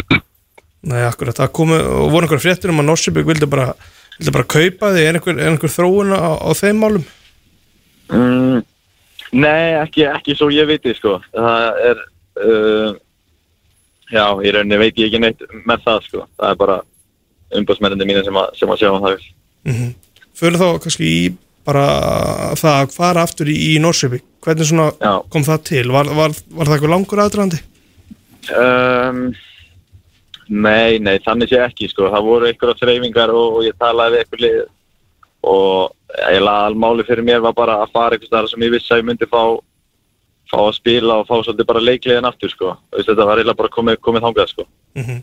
Þannig að, og ég vissi náttúrulega hvað ég var að fara inn í þegar ég ákvaði að fara, fara tilbaka til Norrköping umhverfið og staðurinn og, og allt það þannig að og ég er bara mjög ánægð með að hafa tekið það, það hérna múk sko. Það er náttúrulega einhver svona, svona undanþáa sem að gerði þeir kleift að fara í þetta eina tímabil. En var, þú veist, CSKA eitthvað þú veist, reyndu þeir að halda þeir mikið? Uh, Já, þeir náttúrulega gátu í rauninni ekki gert þetta því og þú segir þetta hann að FIFA, FIFA ákvæði að þá, þá í rauninni getur geta þeir ekki sagt neitt eða gert neitt en jú, jú, ég tala alveg þá og, og, og síðan var þetta bara að lóku mín ákvörðin Hvernig horfur þau tilbaka á þetta og vel tala um því í fjölmjölum og og skila svona, svona góð, góðum tölum og, en ertu, ertu fullkomlega sáttu með þetta? Uh, ég er sáttur með mitt tímabil já en, en uh, liðið náttúrulega spilar undir pari og það er kannski það sem að skiptir máli sem að, sem að þarf að koma kannski inn á næsta sísónu líka að framistæðinu liðinu verið betri Var eitthvað svona, eitthvað, augljós sem að var að klikka hjá okkur? uh, Nei, þetta var einhvern veginn svona þegar ég kem inn að þá, þá voru þeir fóru inn í tímabili með mikla væntingar og, og vildu berist um titilin en voru í tíunda og 11. seti þegar ég kem og það var svona svolítið þungt yfir þessu augljóslega, ekki búið að ganga eins og menn vildu þannig að ég held að þetta hafi verið orðið svolítið mental bara mental hérna problem sko Hvernig er að, er að vera í, í Norsöping með, með svona, já, slatti af öðrum Íslendingum mann? Þetta er svolítið svona íslensk stemning Jó, það er, það er alveg mjög góð stemning sko. Ég hef verið með Íslendingum áður og ég er mjög heppin með Íslendingana sem eru þarna uh, náum allir mjög vel saman þannig að og það skapast góð stemning í kringum þetta Þetta, úst, í lífi í Svíþjóð, ert, ert að fílaði vel aðna?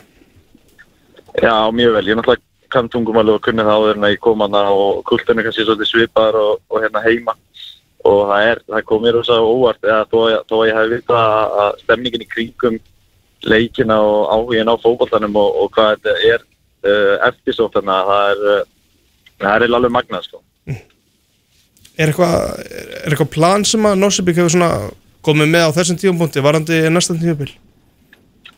Uh, já, það er náttúrulega bara styrkja sig að við þurfum að fá inn ef við viljum keppa við stóru liðin þá þurfum við að fá inn uh, sterk sæning og bara fá, fá svolítið við náttúrulega erum komið fengur nýja þjálfara og þannig að það þarf kannski svolítið að, finna þetta hérna, DNA sem að Norsiping hefur unnið eftir áður Er það ekki þannig í Svíþjóð að það er svona post-season æfinga líka? Það er eft, eftir tíumbil áður en að fara í frí?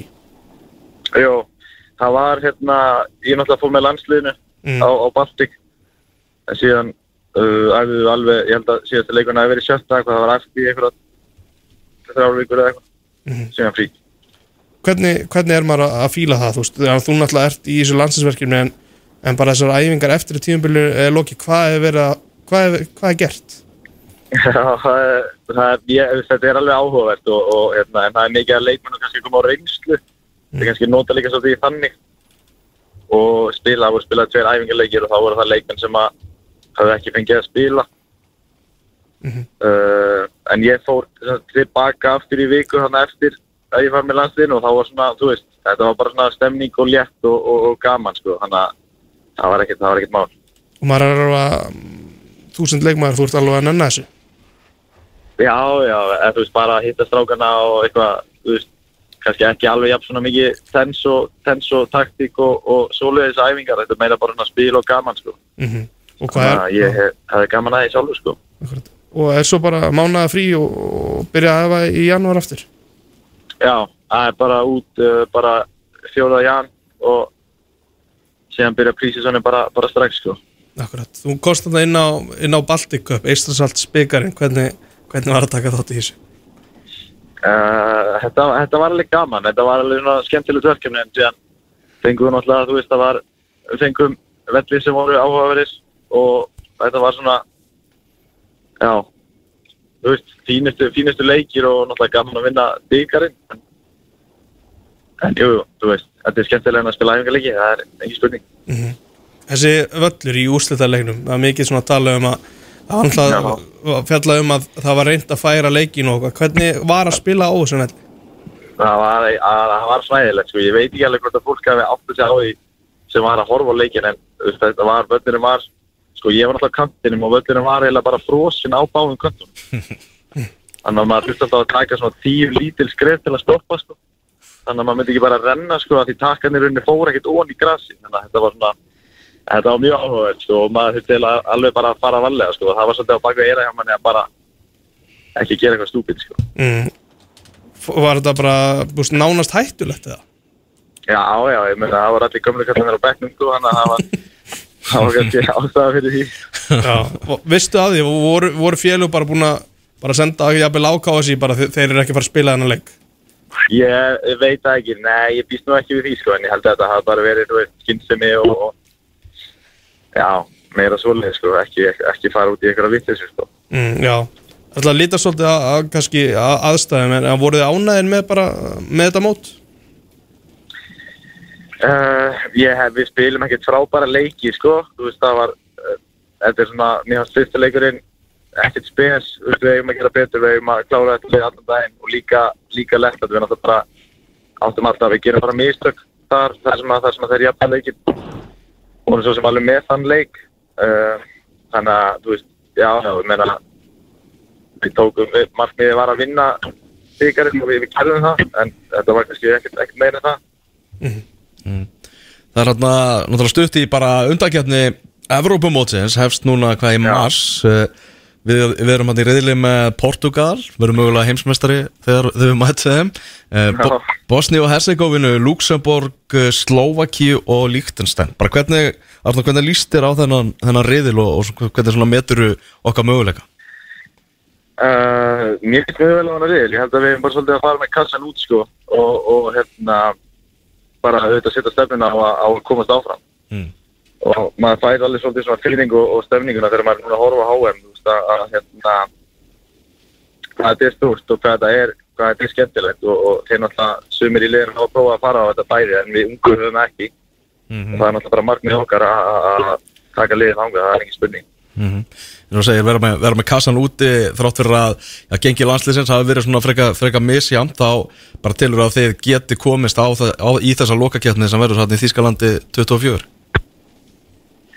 Já, þú veist, við, við, það er kannski fyrst að við, við hérna, sem lið erum að hafa trú á því.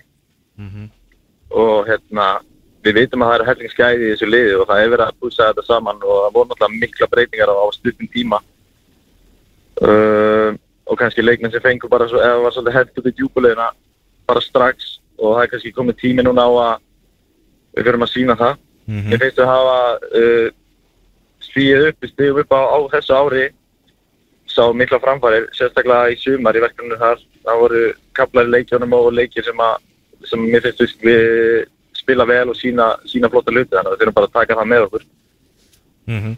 og það er alveg, eins og segir, það eru möguleikar í þessum riðli og möguleikar á því að þið fáið þjóðina betur kannski á, bakvið ykkur í, í þetta verkefni Já, vonandi. Ég meina það, það skiptir, skiptir máli að við finnum fyrir stuðninum og, og auðvitað vitum að þetta hefur verið það hefur ekki verið eins og var áður en, en auðvitað markmið okkar allra og ég held að séu allir, allir sem, að, sem eru sammála því að við viljum aftur komast á það sem við vorum eða það sem að, það að liðið var að það, það skapa stemning og, og þá náttúrulega, en fólki kemur líka með okkur þegar við verum að sína flottari framistöður og, betri úrslit.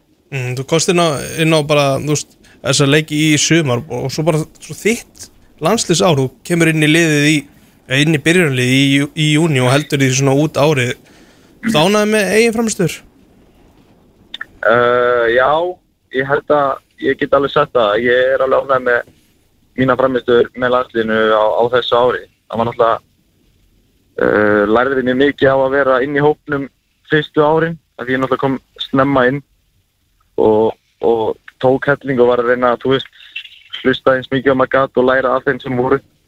Þannig að ég held að, að hérna, ég sé bara nokkuð sátti með, með mitt fram á þessu ári á algjörlega og, og er bara mjög spenntið fyrir því næsta sko. mm, á þessum fyrstu árum þar sem að þú varst að gera flottu hluti í, í CSK að vera að búast við að þú kemur svona sterkur inn í, inn í landslið og, og kom með eitthvað, fannst þú fyrir mikið til pressu að gera eitthvað strax?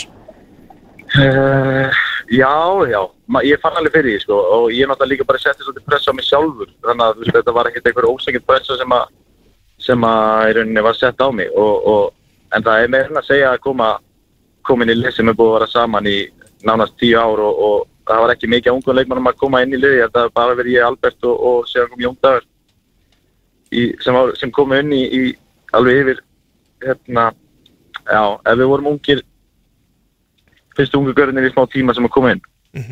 En hérna en maður finnur alveg fyrir því núna hvað, hvað er það kennir manni mikið og já, bara, þú veist, kannski loka spurningin í þessu. Hversu mikilvægt er fyrir ykkur já þá yngri leikmenn? Og núna eru er náttúrulega fleiri yngri að fá úst, leikmenn inn í hópin eins og, eins og núna Aron Einar, Jóhann Berg Alfred Fimboðsson, Gullu Viktor. Hversu, hversu mikilvægt er að fá þess að gæða inn í hópin Það er náttúrulega mjög mikilvægt og, og ég held að sé svo, það er svo mikilvægt upp á það að þeir koma eins og ég var að segja með, með reynsluna, þeir hafa verið í þessu áður og þeir vita hvað þarf til og síðan auðvitað gæði og, og, og hérna allt þetta, þannig að og það blanda með hæfileikunum sem við höfum í unguleikmennum okkar að það held ég að geti litið mjög vel út. Ég held að sé ekkit fleiri frá mér. Er, er, er, þú, Og þú með Galvar já, ég er með þannig hverju vera heimsmeistarar, Arþór Uh, ég segi að Argentina verði heimsmyndar og ég vona það líka innilega. Já. Mikil Messi maður Mikill Messi maður. Þannig að dagurinn í gerð var langur. Já, heldur betur En Messi er alltaf komin nær byggandum Það er, Hann er komið nær, já. Já, það verður, þetta verður stemming og stuð, bara Arnór takk kærlega fyrir að gefa þér smá tíma og við byrjum, byrjum að heilsa upp á, upp á skaga. Já, takk sem leiðis. Heyrjumst, bye bye. Bye bye. Herru, það var, uh, bósmótið maður, Stjarnan Valur, Hafliði Breiðfjörð, skellti sér á, á fyrri háleikinn og 3-0 fyrir val í háleik. Kristinn Freyr, líður vel í, í rauðu. Já, strax búin að byrja að skora. Ja, herru, komin í, í val í, þriðja sinn, þriðja sinn sem að gengur í ræði vals. Akkurat. Já, hann byrjar að skora, komið með 1-0, Hauku Páll, hann er hérna á fullri ferði í desembermánuði, skoraði 2-0, Ekki döður úr öllum æðum eins og sagt er. Heldur betur, Guðmundur Andri 3-0 og uh, haflega held að bæðilið var að fara að skipta öllum út, uh, Elva Freyr Helgason byrjaði hjá, hjá Val og hann var klári í alla tæklingar. Já, það er stert fyrir þá, mjög stert Já, hann er bara að byrja hérna í bósmótinu í, í desembermánuði. Það er bara, ja, lítur þannig út á þessu tíma punkti að hann sé að gera allavega sterk sterk tilkalli að vera bara byrjulegismæður hjá Val Já, það er bara þannig, fyrst hann er bara strax komin í, í gang. En þú segir 3-0 háleikstölur í þeim legg Saði ekki haflega að það var kannski svona svolítið yng- yngri leikmenn í stjórnunu heldur en hjá Val? Mm, Jú, var það ekki eitthvað að tala um það? Mér fannst það eins og, eins og það var fleiri reynsluboltar inna hjá Val sem kannski svona smá útskýrir stöðuna. Já, segðan Gummi Kristjáns, eh, Danni Lags og svo krakkar. Akkurat, yngri drengir. Yngri drengir, það er þannig Herðu, við ætlum að um, taka okkur smá hlið Óttar Magnús Karlsson, hann er vandalugur í hús. Já, þú erum að stáða út af þenn fótbolti.net, tér á X977 Það er eitthvað 40 myndir eftir að þættinum og það er uh, gestagangur í fiskabúrinu. Það skal ég segja ykkur Fyrir að hingaði komin, Óttar Magnús Karlsson. Hvorki meðinni minna, blessaður Óttar. Sælir, takk fyrir að hafa mig. Já, bara takk inn, innilega fyrir að koma. Hvernig ertu í dag? Ég er bara mjög góður. Svolítið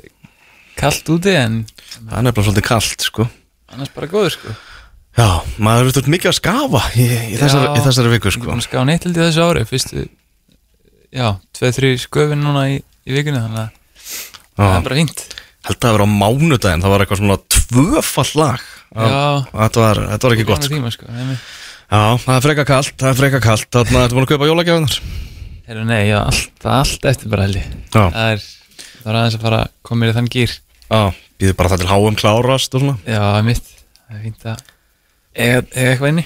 Já, nákvæmlega. Við að byrja að ræða boltan, Sæbjörn. Já, velkomin, velkomin til X, Sæbjörn. Takk fyrir að Takk fyrir að vera mér að með. Já, ræðum aðeins boltan um, Óttar, þú varst náttúrulega hjá Oakland Roots á, á þessu, þessu tímili á mitt Hvernig er bara staðan hjá þig núna? Úst, ertu að fara að vera í Venetia eftir áramót?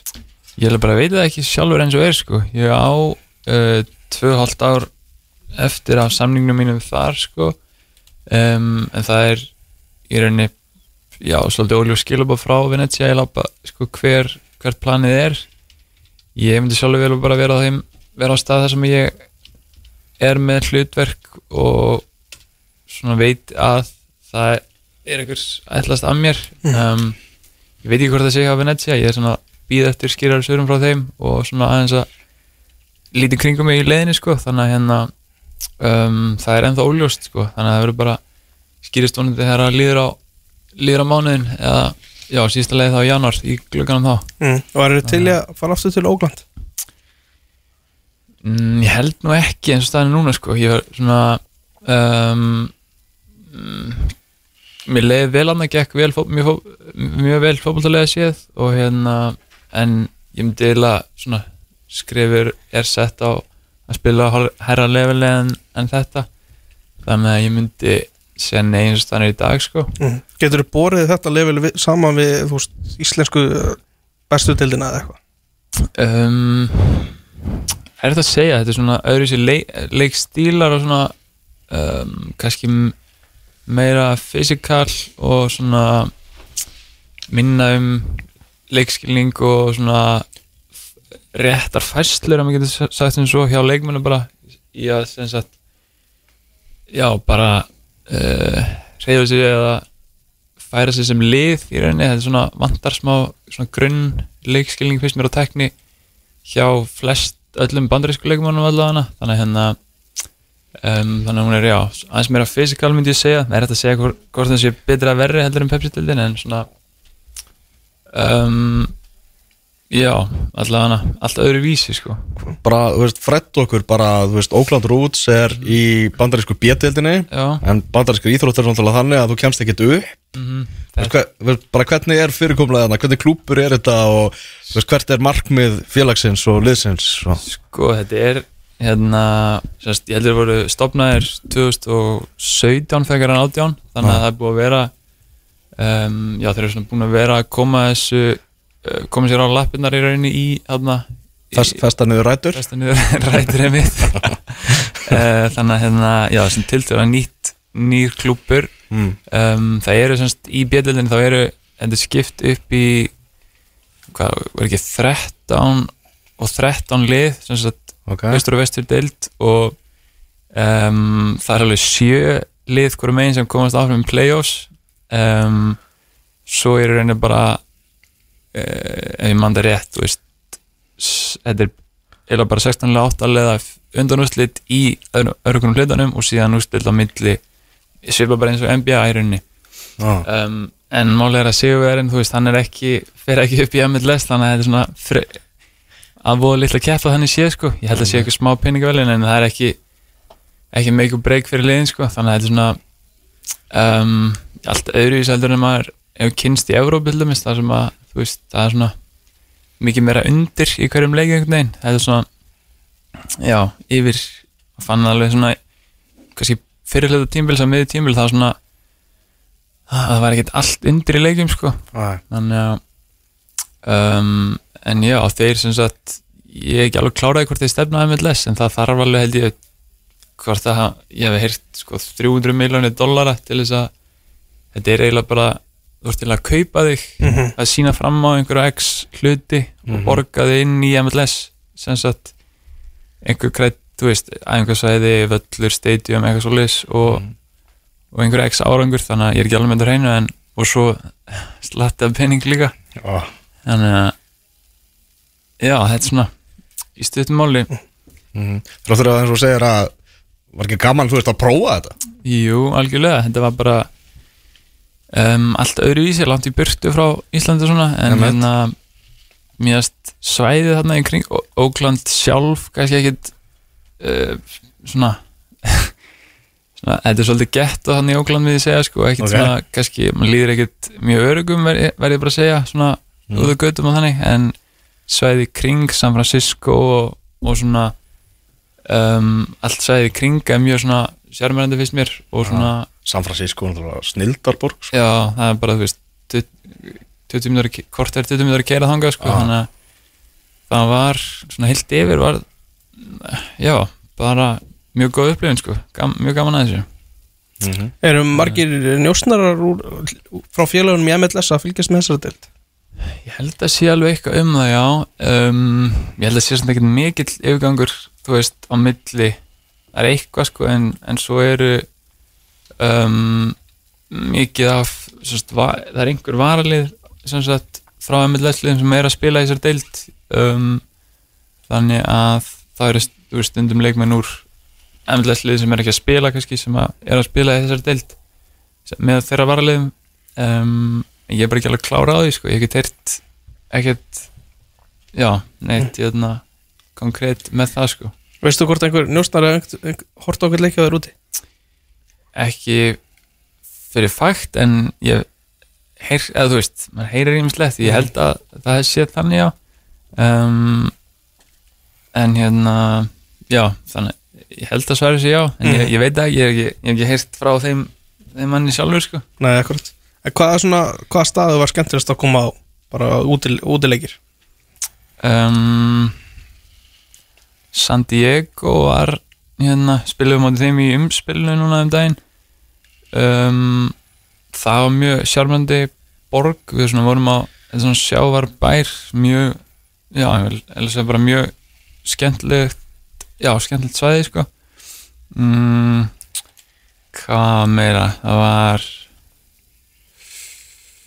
já, ég myndi segja að það kannski hafa verið svo er alls konar ferði líka til hátna, til þú veist Pittsburgh það var 12 tíma ferðadagur Mm. og 12 tíma tilbaka þannig að það er einhvern veginn allir skalinn þú ferðast yfir all landi þannig að þetta er svona já, bæði gott að slæmt eða góður að slæmir þessa ferði sko mm, er, er, veist, er, aðalega verið að fljúa í leiki eða hvernig virkar Já, ég held að við farið einu sinni yfir til hérna eða semst farið í rútu í leik, allt annað var bara flug sko. Mm.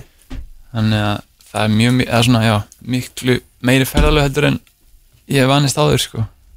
Akkurat Oakland Roots og í Oakland er náttúrulega Golden State Mhm. Warriors Er, er þeir ekki ennþá í Oakland? Þeir eru reyndar nýbúin að færa Þeir eru búin að færa sig, Já, já. 2016, 17 að með minnur, ég menn ekki alveg Er þeir núna í San Francisco? Já, bara rétt inn með mér brúna sko. en að Er mikið hæp í kringum þetta? Já, þetta er, það er það sko sérstaklega það sem er unnun hann síðast sko og þeir eru svona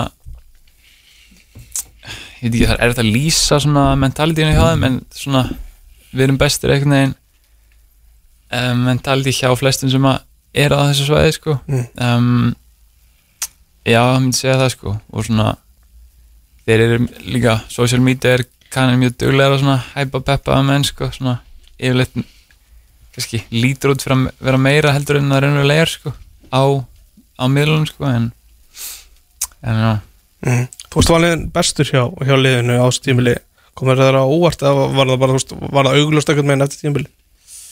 mm, það kom alveg nokkri leikmyndi greina sko myndi ég segja en svona heilt yfir kannski finn, fannst mér alveg eða þetta skilið sko, ég var alveg ég spilaði að mér fannst mjög vel og, og hérna já, ég myndi alveg þú veist eða þú veist, taka þessu bara einhvern veginn hvað, hvað maður að segja bara þannig sé bjóst við þessu sko. Mm Hvað skoraður mörg mörg? uh, 19 90 mörg, hvernig mörg skoraður það? það var víti, aukaspinnur um, ein, já, einn af tveir skallar bara alls konar sko. Öllu regnbóðans litum? Já, maður segir það sko. Já. þannig að það var bara já, fekk að spila lang eiginlega bara 90 mínútur einu út sko, þannig að það það hérna, já, gaf mér bara sjálfstörust og, og hérna já, bara Akkurat. mjög sátti með þetta Það er, það er einhver tenging á milli Venetia og Roots eða ekki? Jú, ég held að sé sko hvort að það er ekki eigandinn á mitt, eigandinn sem að á stóran hluti Oakland Roots á líka eitthvað part í Venezia. Þannig að það kom í gegnum þá tengingu kom þessi hugmynd upp sko. Um, og það var einn annar leikmaður frá Venezia sem var líka hann á láni hjá Oakland sem að hérna, já, spila aðeins minna sko en hérna, já, þannig að það er einhver, einhver er að myndast eitthvað svona tenging hann á milli að er virðist Mhm. þannig að já Þegar þeir komin inn í, inn í ús, útsláttarkefni, úrsliðarkefnina vorum, var mikil vombrið að detta út eða er öllu sama eða? sko ég, það var svolítið mixt einhvern veginn ég alltaf já, mér persónlega ef ég hefði í, í þessum San Diego leik sem að var fyrsti umspilsleikurinn þá uh, unnum hann. Ég var svona að báðum áttum hvort að ég hefði vilja að vinna að hérna, það var þessi landsleikir hérna Mm. sem að búið að velja í.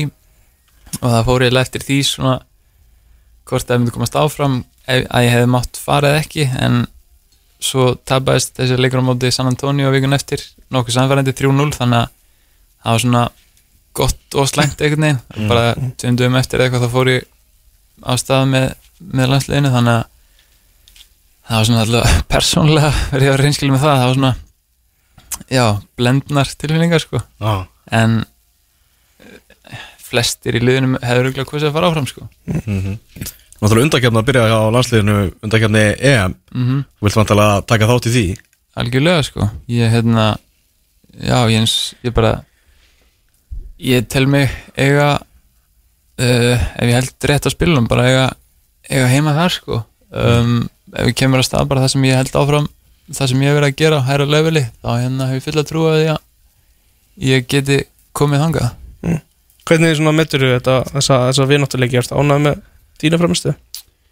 svona heilt yfir myndi ég segja það já, það ein, það var nokkur, nokkur færi sem ég hef vilja gera, geta, geta gert betur í um, sem ég var svolítið ósættu með en svona heilt yfir svona taktíst og svona uh, hvað maður að segja um, já, svona heilt yfir séð bara æfingar og, og vera með liðinu þá fannst mér bara ganga heilt yfir bara nokkuð vel sko Mm. Var eitthvað auðvitað sem komur órt? Þeir náttúrulega voruð í voruð í miðausturlundum og svo voruð í Suðu Kóri var eitthvað svona sem komið bara wow, er þetta svona eða eitthvað sko? um, mm, mm,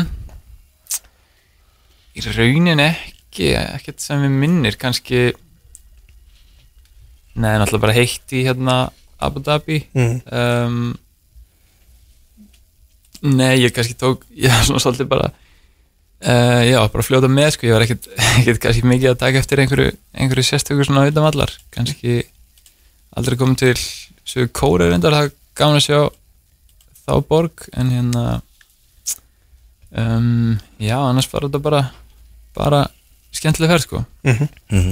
Talandum að, að koma við af þessum svona löndu sem þú hefur verið í að spila ef þú bara ættir að velja eitt land eftir fyrirlun þar sem þú getur myndi bara flytja með fjölskylduðuna af, af þessum löndu sem þú hefur að spila í Hva, Hvað land er þið fyrir valinu? ég held þessi nokkuð easy pick sko. Ég held ég verið að segja Ítalía. Já, um, Feneyjar bara? Já, eiginlega Siena sko. Já, Já, þegar ég var þar á láni þá hérna, einhvern veginn hreifst ég mjög mikið af þeirri borg þó hún sé mjög lítil þá er hún einhvað mikið svona hjarta og saga í, í henni þannig í Toskana. Þannig að þó svo fótboltin hafi ekki gengið upp og er ennþá allt í rugli þar sko í síðana þá hérna já ég get alveg vanið vanist þessum, þessum lífstíl, lífstíl þar sko.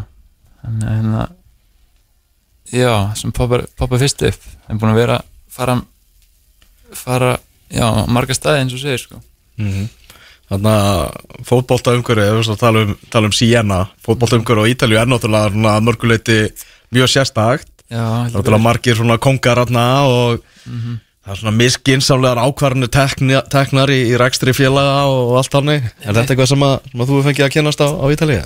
Já, ég hérna þegar ég kom til Siena þá hérna gekk ég bara uh, sem sagt planið var bara að vera að láni út heilt tímabil um, eða maður segja byrjaði eiginlega kannski í, í fenni um, um sumarið í félagskiptaglökunum þegar að var verið að einhvern veginn tilkynna mér að þeir vildu senda maður lán.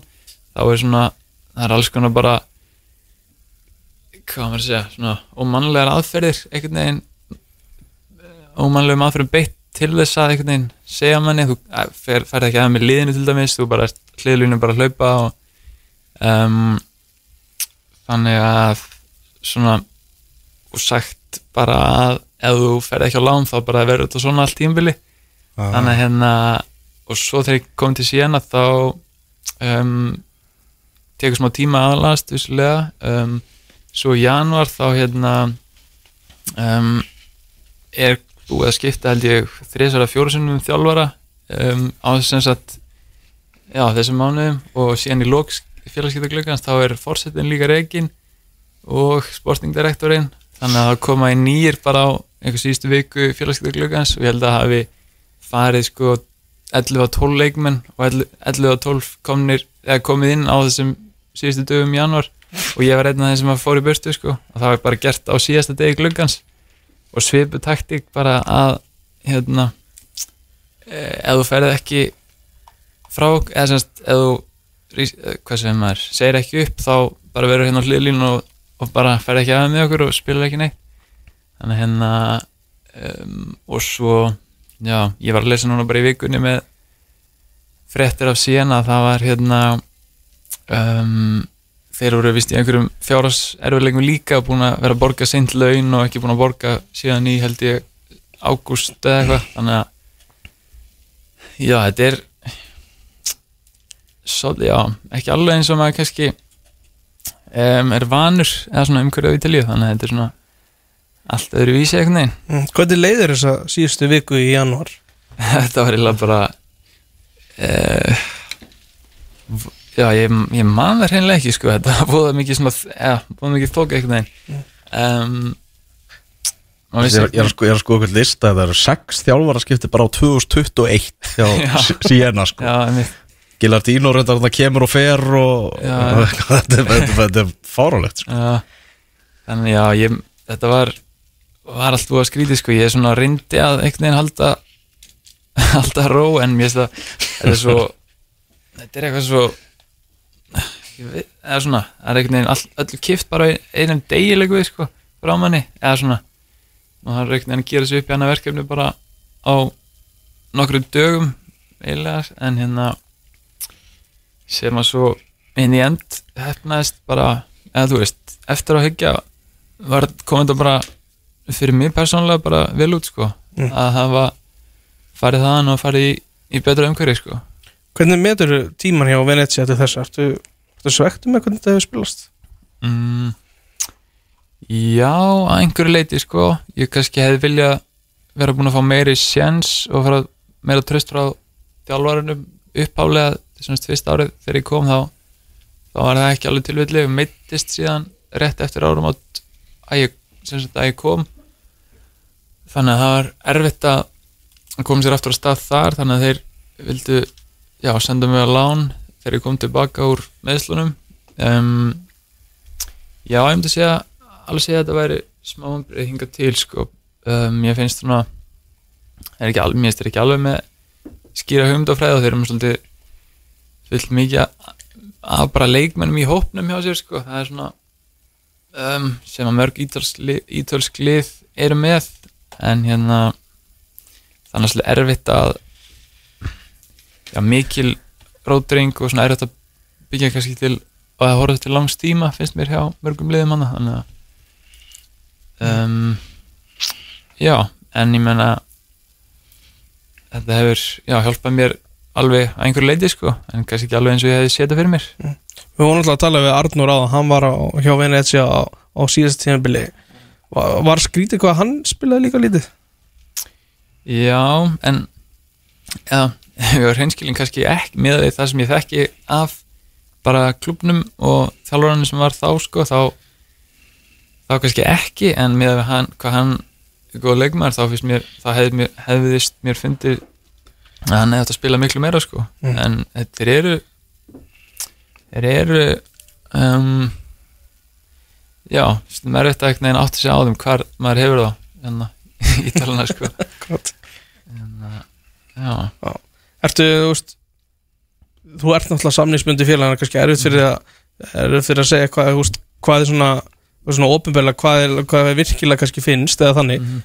Hva, hvernig horfir á, á núna næstu vikur og mánu langar þið að, að vera hjá Venetia ef, þú- ef þú ert ekki viss hvort þú fáir að spila um, ábyggilega ekki sko, mér finnst að verða, verða að vera einhver einhver hérna eitthvað traust eða eitthvað sem að fær frá þjálfurinn sem að sem gef, gefur það til kynna að hann hafi drómanni sko. Um, þú veist, ef það er til staðar þá getur maður alveg eins veist, það skiptir í rauninni máli hvað maður leggja mikið á sig eða, eða æfir vel eða mikið það er einhvern veginn. Ef að þjálfurinn hefur ekki drómanni þá eða og sér mann ekki inn í myndinni hjá sjálfur eða hjá sér þá held ég að sé voða lítið fyrir mann að gera þar sko. Um, það er bara það er svona horfður raunsætt á þetta. Elva reyndir svolítið að fiska hjá þér að hvernig er að vera í fenni samt. það er bara búa þar eða Já. já það er ég sko bjó ekki að búa mér fára leikmannum í fenum sjálfum. Það er, Þú áttir að geta eitthvað svona bát og eitthvað. Það er já kannski ef maður fór svona ef komið gestir þá hendur maður sér á, á í svona ferð og túristastæðins en hérna, og ég gerði það einmitt um daginn en bara fyrir nokkrum vikum þegar ég var þar sko, það er, svona að gleyma hvað þetta er einhvern veginn sjármærandi borg sko, og svona um, já, bara og, já, falleg og þú veist, svona öðru vísi heldur maður heldur en flest annað sko. Mhm. Í, já, í svona í, þessu mótlæti kannski að vera ekki að fá mikið að spila er, er gott að vera með aðra Íslandika hjá félagin Já, það var það sko. Um, Algjörlega sko. Ég hérna vorum Ég, Bjarki Steinn og svo voru að koma hann þegar ég var að fara á lán alveg slatti af ungu strákum í, í hérna akademíuna sem að held að séu flestir ennþá sko. Þannig að jú, það var klálega klálega mjög, mjög næ sko um, hann var reyndar mest megnis að sem samt þegar ég fór út það var mest megnis COVID bara þannig að við vorum það var ekki mikið um kannski að menn voru heittast svona en eitthvað þó þannig að hérna, jú, það er alltaf gott að geta að tala íslensku og svona á, á einhversvæðinu og, og svoleið sko Ef að Víkingur hefði samband 31. janúar og þú ert ekki að fara að spila í Venetia hvað myndir þú segja? um, ég myndi nú Það giska nú að Heimir hafi nú ringt nokkru sinni nei, það Taka púlsinn? Nei, reyndar ekki sko. Það er hérna, ég kannski Já, ég tel mig alveg eiga meira inni úti á, á þeim vettnóki sko. Langar að reyna að ná hérna, spila á, starra sviði og ná hérna um, já, komast á hæra level. Um, það er alveg svolítið bara að nýta þessi þú veist, einhver x ár í að reyna hérna ná eins eins og hægt er sko Þannig að er þetta ekki bara mjög ánægð með það svona, hvað er að gerast hjá þínu uppeldisfélagi? Bara hvað eru búin að ja, bara stimpla sig um sem bara toppklúpur á, á Íslandi? Jú, algjörlega sko, það er bara einhvern veginn síðan að um, svona hefur kannski marka einhvern veginn svona, svona upphæfa þessu svolítið að uh, fyrsta lega náttúrulega Arnar og svo Káru Sölvi sem að hérna já, hafa einhvern veginn reyfið þetta svolítið upp á svolítið transformera mentalitíinu hjá þeim hérna í víkinni, þannig að hérna bara mjög gaman að sjá og geggja náttúrulega þegar að koma heim á æfingar að vera á æfa á svona hérna hái leveli sko, það er bara öll umgjörð og allt hérna í vikinni er bara orðin alveg til fyrirmyndar sko, ég væri myndi ekkit handa það að vera að spila með þeim í dag sko. Nei. hérna, en það er bíða betri tíma Já, bara þú ert orðin gamall og já, klárar þetta svona eins og Kára og Sölvi bara ég veit Þú er komin í, í nýtt hlutverk er þetta ekki út á henni faðir er Já. þetta er ekki fyrsta barn? jú, fyrsta Já. bann, hvað sér Hvernig hafa fyrstu mánuðin verið? bara mjög hérna gaman og það krefandi sko þetta er búið að vera um, smá púsl, eða svona púslispil varandi að þú veist ég kom inga heim þegar hérna fæðingi var og fekk að vera hvað 5-6 daga eitthvað eftir fæðinguna hérna heima og svo komið þau kærastan og, og litli út um, og svo eru búin að vera á miklu ég er allan á miklu flakki að fara í út, marga útileiki og, og ferði þannig að ég get kannski ekki alveg búin að vera eins mikið með honum og ég myndi vilja en ég reyna þess að ná, hérna, ná því tilbaka núna. Um, það er bara búið að já, í rauninni um, hvað maður að segja bara bæta um, bæta einhvern veginn við lífið sko myndi, myndi, myndi ég segja Þróskandi? Já, myndi segja það sko og svona verðum við til að hugsa um um, já, meira heldur en bara sjálfum sig sko Mm. mm. maður alltaf að fókusa á þú veist, fótboltan eða geta aðeins já, horta aðeins með öðrum augum á lífi sko Mm. Á þessu off-season er þú að taka svolítið nættu vatnina? Já, ég myndi eiginlega að segja, ég það er einungis bara fjallit konar að sofa bara þannig að ég bara, já, held ég það er þrjá vikur núna í röð bara verið alveg grótarður það sko Algjörlega Er uh, bankið þá tæmtur? eða? Já, ég var að spyrja hann eitthvað út í HM hver eru þínu menn þar? Sko, ég var að skrýða veit ekki hvort maður vilja segja frá þessu ég er orðin smá bandrækjamaður sko ok Ok Nei, það er svona alltaf eftir að hafa verið þar en Söngs með þjóðsögnum og svona í leikjum það er samt alltaf gaman þegar maður heyri bandrækjum þjóðsvingin sko. Mm, En stemning. Já, Það ég vil bara, þú veist, að sé regla að þá koma alltaf herþóttir yfir Já. Já, sammála. Um, en hérna uh, já ég hef verið til að sjá hollendingan áfram sko. Um, ég hef eitthvað þing fyrir króatunum, það er svona passion í þeim sko. Um, um, já og, og sumulegis morgumönnum sko, það er eitthvað þó þeir spila ekkert kannski frábælega skemmtilega bolta þá fíla ég ef að, ef að minna á árangri sko. Þá hérna, en á úslit þar að segja. Nú ertu United maður, heldur með Ronaldo í þessu? Veit það ekki alveg, hann er búin að minka svona smá jáluti hjá manni verður maður að segja eftir hvernig síðustu svona vikur og mánuður hjá mannum hafa verið sko. En ég hef verið Ronaldo maður í gegnum tíðina sko. Mm. hérna, það er gaman að sjá klálega hérna Ronaldo og Messi mætast í úslunum Að þú myndir horfa? Já, algjörlega. Þetta verður, spennandi. Herruðu, Máttar, bara takk hjalla fyrir komuna.